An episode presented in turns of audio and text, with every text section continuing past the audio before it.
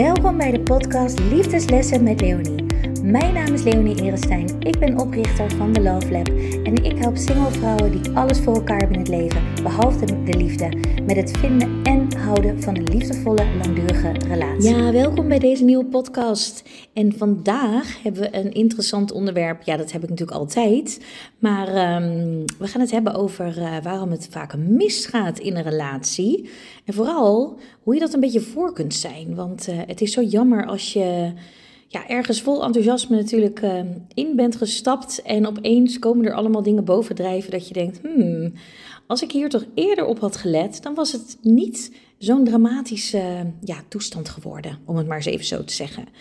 Ja, ik heb op uh, Instagram heb ik een uh, vraagsticker ge geplaatst met, um, ja, waar, waarbij iedereen eigenlijk kon reageren van hè, wat is jouw bij jou de reden geweest dat je relatie in het verleden is geklapt? Nou, daar heb ik heel veel reacties op gekregen en uh, daar ga ik vandaag in ieder geval een podcast over maken om ja, een aantal redenen uh, uit te gaan lichten en um, nou, vooral hoe je natuurlijk ervoor kunt zorgen dat je dat in de toekomst gaat voorkomen. Nou, een van de dingen die ik uh, een aantal keren voorbij heb horen komen is uh, bijvoorbeeld huisdieren. En dan denk je misschien, oh mijn god, wat? Moet mijn goudvis de deur uit? Nou, dat hoeft misschien niet, maar uh, het kan in sommige gevallen echt een dealbreaker zijn. Dus als jij een grote honden- of kattenfan bent, of misschien paardenfan, uh, en je krijgt, uh, ja, je gaat op date en jij bent heel enthousiast over je huisdieren, of in ieder geval over jouw passie voor dieren. En de ander heeft daar letterlijk een allergische reactie van. Die zegt, nou ja, ik kan absoluut niet in de buurt komen van katten of honden, want dan uh, krijg ik rode vlekken of ik vind het gewoon echt hele vreselijke dieren. Ja, dan is dat best wel een dingetje. Want voor jou zijn dieren super belangrijk en voor de ander totaal niet. En het kan zelfs zo zijn dat hij er een hekel aan heeft. Ja, hoe ga je dat dan uh, met elkaar matchen? En ik ken echt relaties waarin door de hond bijvoorbeeld uh, de relatie echt kapot is gegaan omdat ze niet tot overeenstemming konden komen uh, wanneer de hond er wel bij was en niet bij was. Want de hond was er namelijk altijd. Dus de hond ging ook altijd mee op date. Dus in het weekend werd er gewandeld op het strand en dan was de hond mee. En uh, ja, dus, dus deze partner die had het gevoel dat hij nooit één op één quality time had. En ze waren ook wel beperkt in de vrijheid. Want weekendjes weg zomaar, ja, of de hond moest mee... Of er moest opvang voor worden geregeld en uh, vakanties werden erop aangepast. Dus je kunt je voorstellen dat wat in het begin misschien helemaal niet zo belangrijk of grootst lijkt te zijn, dat dat toch wel in uh, relaties ja, een grote, grote dealbreaker kan zijn. Dus het is echt iets om rekening mee te houden met het kiezen van een partner van dat je op, op bepaalde manier wel een beetje hetzelfde in het leven staat. Want als de een er echt een hekel aan heeft en de ander uh, ja, zijn grootste liefde is, om het maar zo te zeggen, dan wordt het gewoon heel erg ingewikkeld. Um, dus dat is in ieder geval iets wat ik een aantal keer heb teruggekregen. Nou, de telefoon. Ja, de telefoon uh, is natuurlijk een, een, een pokkenapparaat.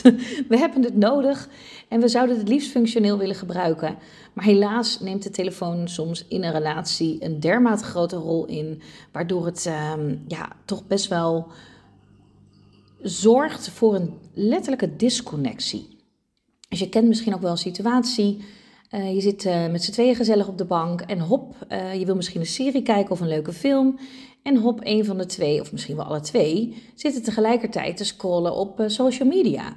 Nou, hoe gezellig is dat? Weet je, hoe aandachtig ben je dan samen een film aan het kijken? Niet. En dat kan natuurlijk nog erger worden, want de telefoon gaat ook natuurlijk mee naar de slaapkamer.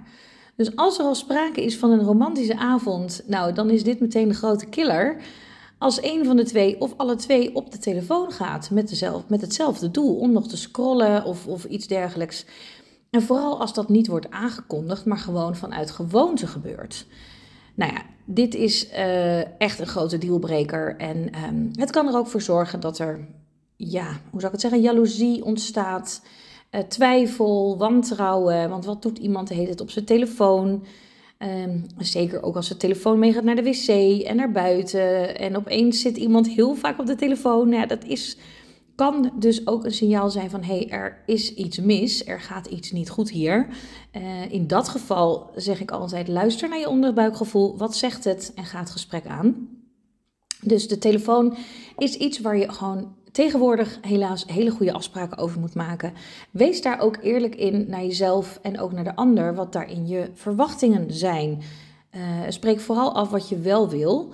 Want als iemand echt heel veel op zijn telefoon zit, en of het nou wel of niet zakelijk is, het maakt niet uit.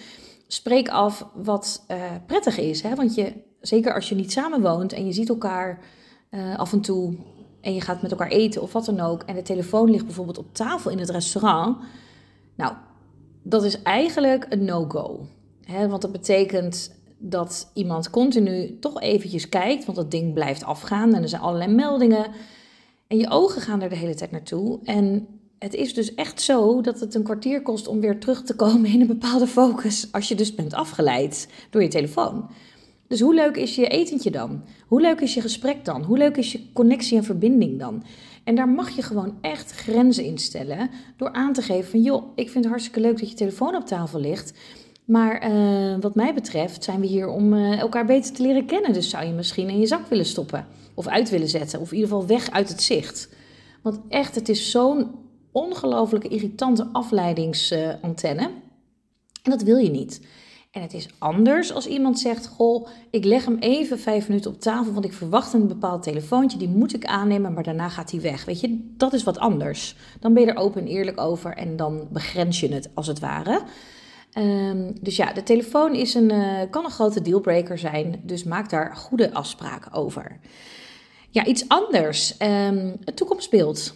Toekomstbeeld. Uh, hoe kijk je naar de wereld? Hoe kijk je naar de toekomst? Wat vind je belangrijk in je leven? Wat vind je niet belangrijk? Komt dat wel met elkaar overeen? En dan kun je bijvoorbeeld denken aan, nou, wel of geen kinderen. Dat is ook iets waar je niet uh, in een grijs gebied terecht gaat komen. Het is ofwel of niet. Dus ook belangrijk om daarin hetzelfde te denken. Maar ook bijvoorbeeld over manier van opvoeden. Ik zeg niet dat je dit trouwens op de eerste date moet gaan doen. Hè? dit is gewoon in de loop van de tijd, als je iemand beter, beter leert kennen of misschien al een tijdje samen bent. Hoe denk je over bepaalde zaken? Ja, ik ben een groot fan van het kijken naar Love is Blind. Nou, er komen wat spoiler alerts in voor vandaag. Dus als je dat niet wil, dan moet je nu afhaken. Want ik ga wat voorbeelden eruit uh, uitnemen. In het laatste seizoen, het derde seizoen, uh, was er een stel, Nancy en uh. En op een gegeven moment hebben zij samen een gesprek en het gaat over abortus.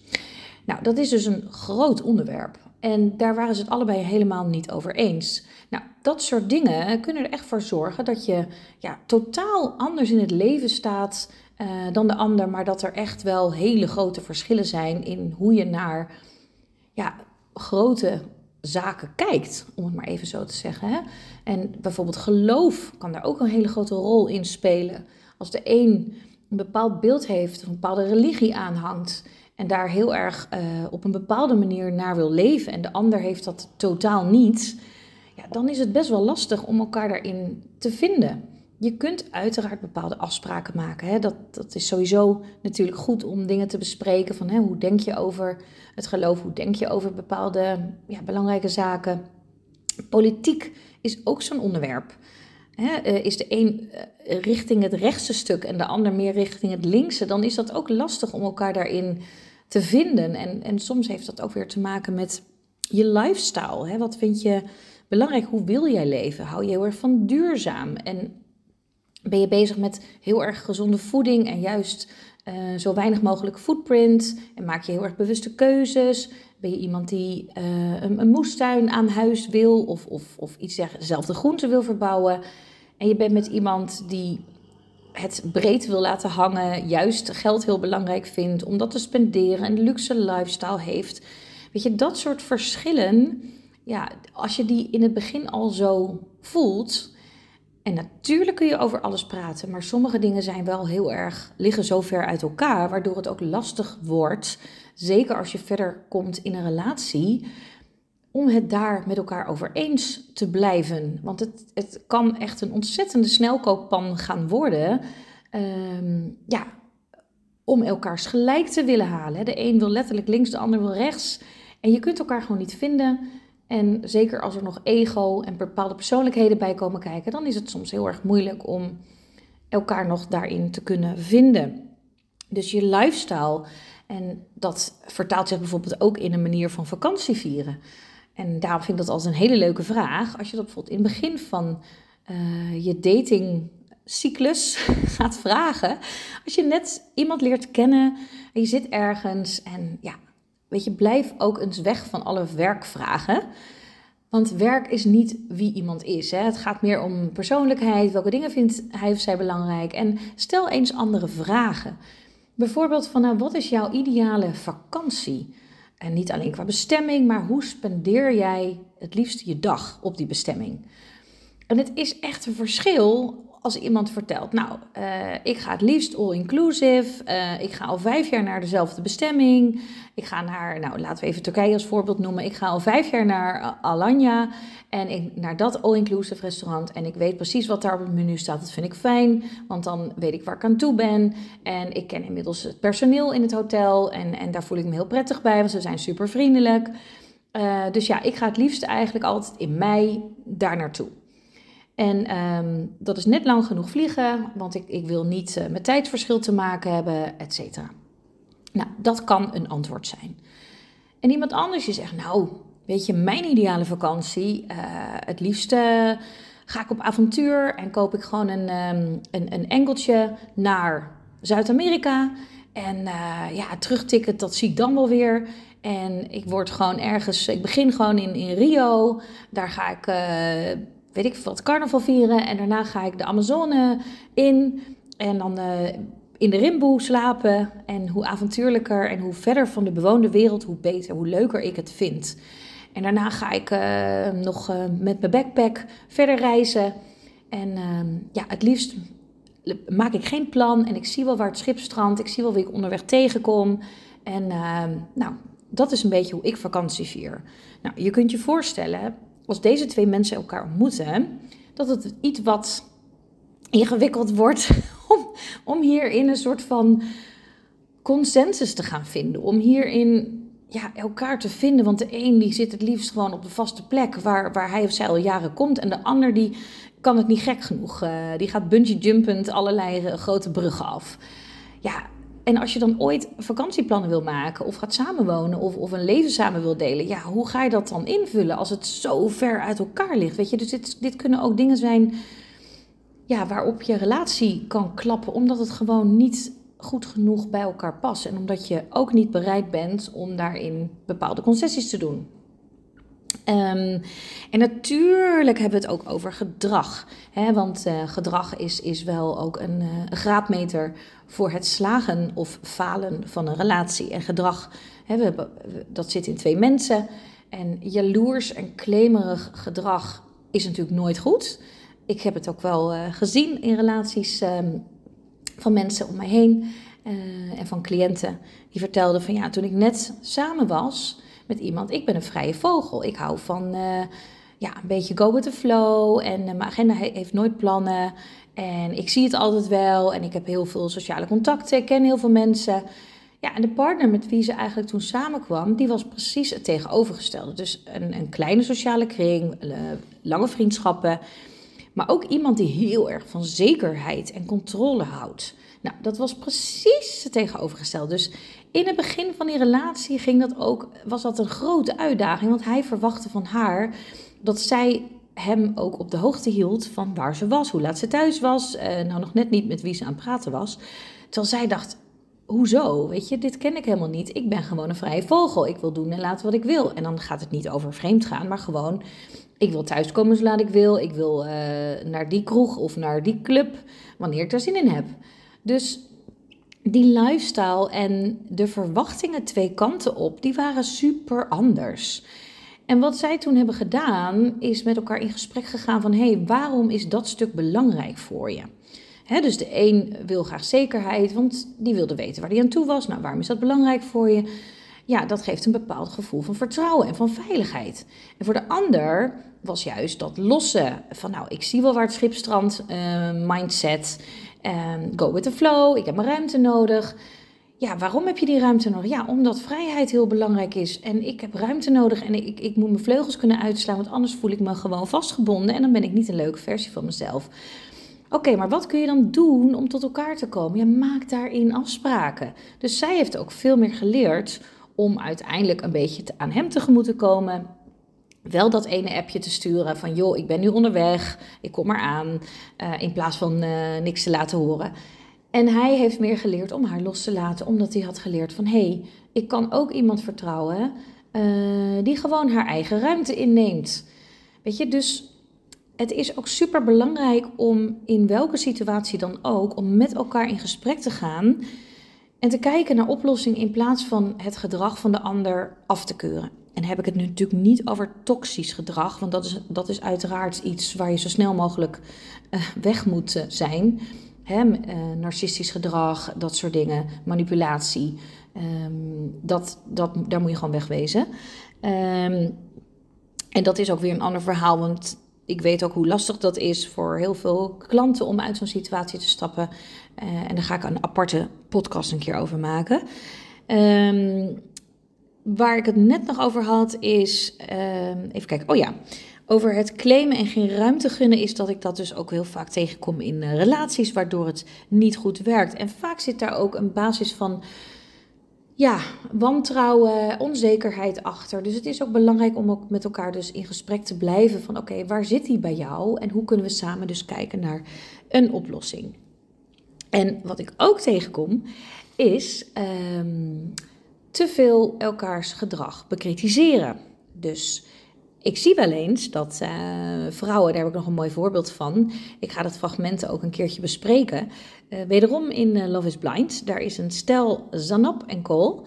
En ehm, op een gegeven moment, nou, ze, ze gaan dan trouwen en ze kennen elkaar dus uit die pots. Hebben elkaar dus nog nooit gezien. Op een gegeven moment ontmoeten ze elkaar en dan start een beetje de relatie. En dan kijken ze dus, is de liefde echt blind of niet? Nou, en op dat moment leren ze elkaar natuurlijk steeds een beetje beter kennen. En dan gaan ze samenwonen en zo werken ze toe aan, naar de trouwdag. Nou, en dan wonen ze samen en dan op een gegeven moment heeft Cole... Um, gaat voor haar koken. Dus zij komt thuis van de werk en hij zegt... Oh, uh, nou hier, uh, ik ben uh, kip aan het maken met spruitjes of zoiets dergelijks. En wat er dan gebeurt is super interessant. Ik ga dat fragment echt, echt, echt even met beeld erbij doen. Zij neemt het instantly van hem over. Eigenlijk bekritiseert ze hem direct. Want hij heeft, uh, de kip uh, is niet bruin genoeg of er is iets met die kip. Hij had het niet goed genoeg omgedraaid. Dus um, ja, zij is meteen heel kritisch op hem. Dus zijn hele idee van jij komt thuis, ik verras je met een diner, valt een beetje in het water, omdat zij er meteen opduikt en dingen allemaal vertelt wat hij dus niet goed doet. Nou, en uiteindelijk is ook de hele sfeer een beetje weg. Ze zegt, ja, ik, spruitjes zijn ook niet mijn favoriete uh, gerecht. Dat had je een beetje kunnen weten. Nou, die hele jongen zijn uh, zelfvertrouwen, die is de grond ingestampt. En dit is eigenlijk een heel mooi voorbeeld van wat je vaak ziet in de praktijk. En in dit geval had zij kritiek op hem, maar het gebeurt natuurlijk ook andersom. Het is vaak een wisselwerking. Uh, en zij stapt echt in die mannelijke energie van: oké, laat mij het maar doen, want ik kan dit allemaal beter dan jij. En het gevolg is dus dat hij zich daarin nou ja, niet gezien, niet gekend voelt. En ja, zich minder waardig voelt aan haar. En dit soort ja, gedrag over en weer zorgt er ook een beetje voor dat de een zich kleiner voelt dan de ander. Van ik doe het dus nooit goed bij jou. Nou, en als die modus gaat ontstaan, ja, dan krijg je een ongelijkwaardige relatie. En degene die zich minder waardig voelt, die zal vaker op zoek gaan naar andere situaties waarin die opnieuw dat gevoel krijgt. En degene die dus kritiek geeft, blijft ook op zoek gaan naar die situaties. Dus je krijgt een dynamiek van ongelijkwaardigheid. En dat is natuurlijk niet wat je wil, maar dit sluipt er vaak op deze wijze in. Met als gevolg dat je relatie dan kan klappen omdat er ruzies ontstaan. En dan zegt de een tegen de ander: Ja, en ik kan het ook nooit goed doen bij jou. En de ander zegt: Hoezo? Uh, waar baseer je dat op? Ja, nou vandaag toch, toen uh, was ik aan het koken en dat vond je ook al niet goed. Nou, dat heb ik toch helemaal niet gezegd? Nou, en dan kom je dus in een situatie terecht dat je allebei je gelijk wil halen. En niemand gaat gelijk krijgen hierin. En um, ja, dat is natuurlijk gewoon super frustrerend, want je merkt gewoon. Ja, je merkt dus dat het hierdoor heel erg kan klappen en kan escaleren, want dit soort situaties blijven maar voorkomen, blijven maar herhalen. En op een gegeven moment ja, wordt het gewoon too much. En dan uh, is de koek op. En dan kan het zijn dat er een dikke vette ruzie uh, uh, ontstaat. En uiteindelijk de relatie wordt verbroken. Terwijl met dit soort situaties het super belangrijk is om ook hierin elkaar te zien, te, kennen. Uh, te bespreken van hé, hey, wat is nu belangrijk? Waarom is iets belangrijk? Waarom reageer je zo? Wat, wat heeft het bij jou aangeraakt?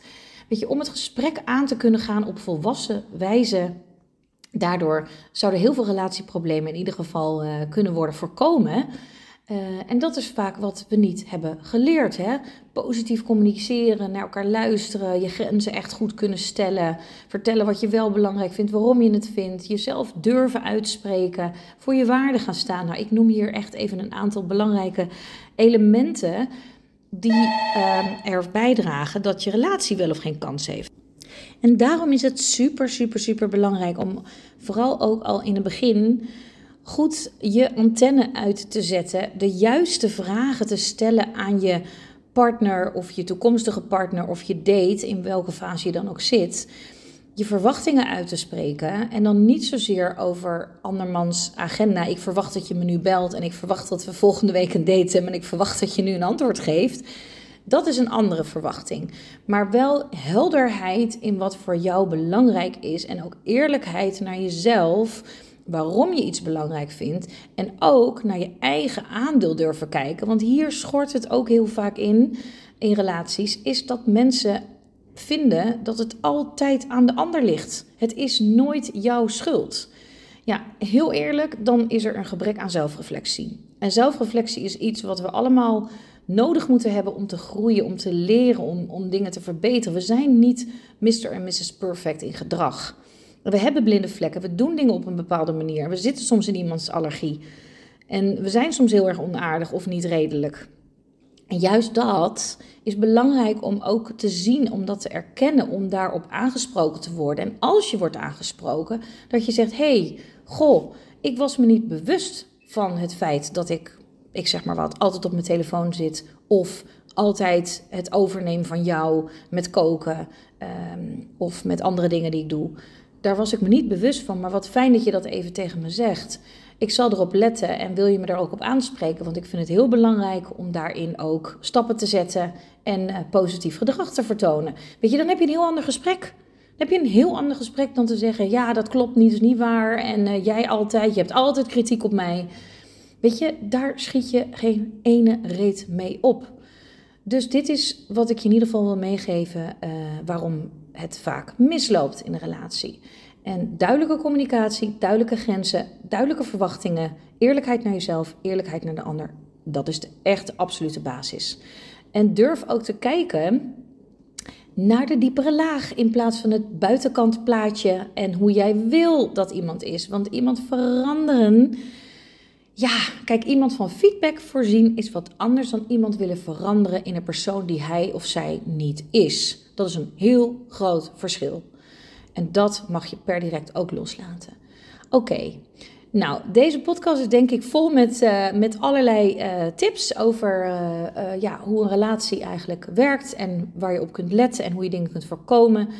Um, en mocht je dit waardevol vinden, laat alsjeblieft, want dat vind ik echt heel tof, een uh, review achter uh, binnen, uh, wat is het, Spotify en Google Play. Zou ik echt heel tof vinden. En ik geef weer mijn succesvolle masterclass van single naar liefdevolle relatie in vijf stappen. En je kunt je nu nog inschrijven op www.thelovelab.nl slash gratis masterclass. Ik hoop je daar te zien, want het wordt weer fantastisch en jij gaat leren hoe je een liefdevolle relatie kunt aantrekken met, heel veel praktische tips en natuurlijk hoe je hem kunt houden. Alright, dankjewel!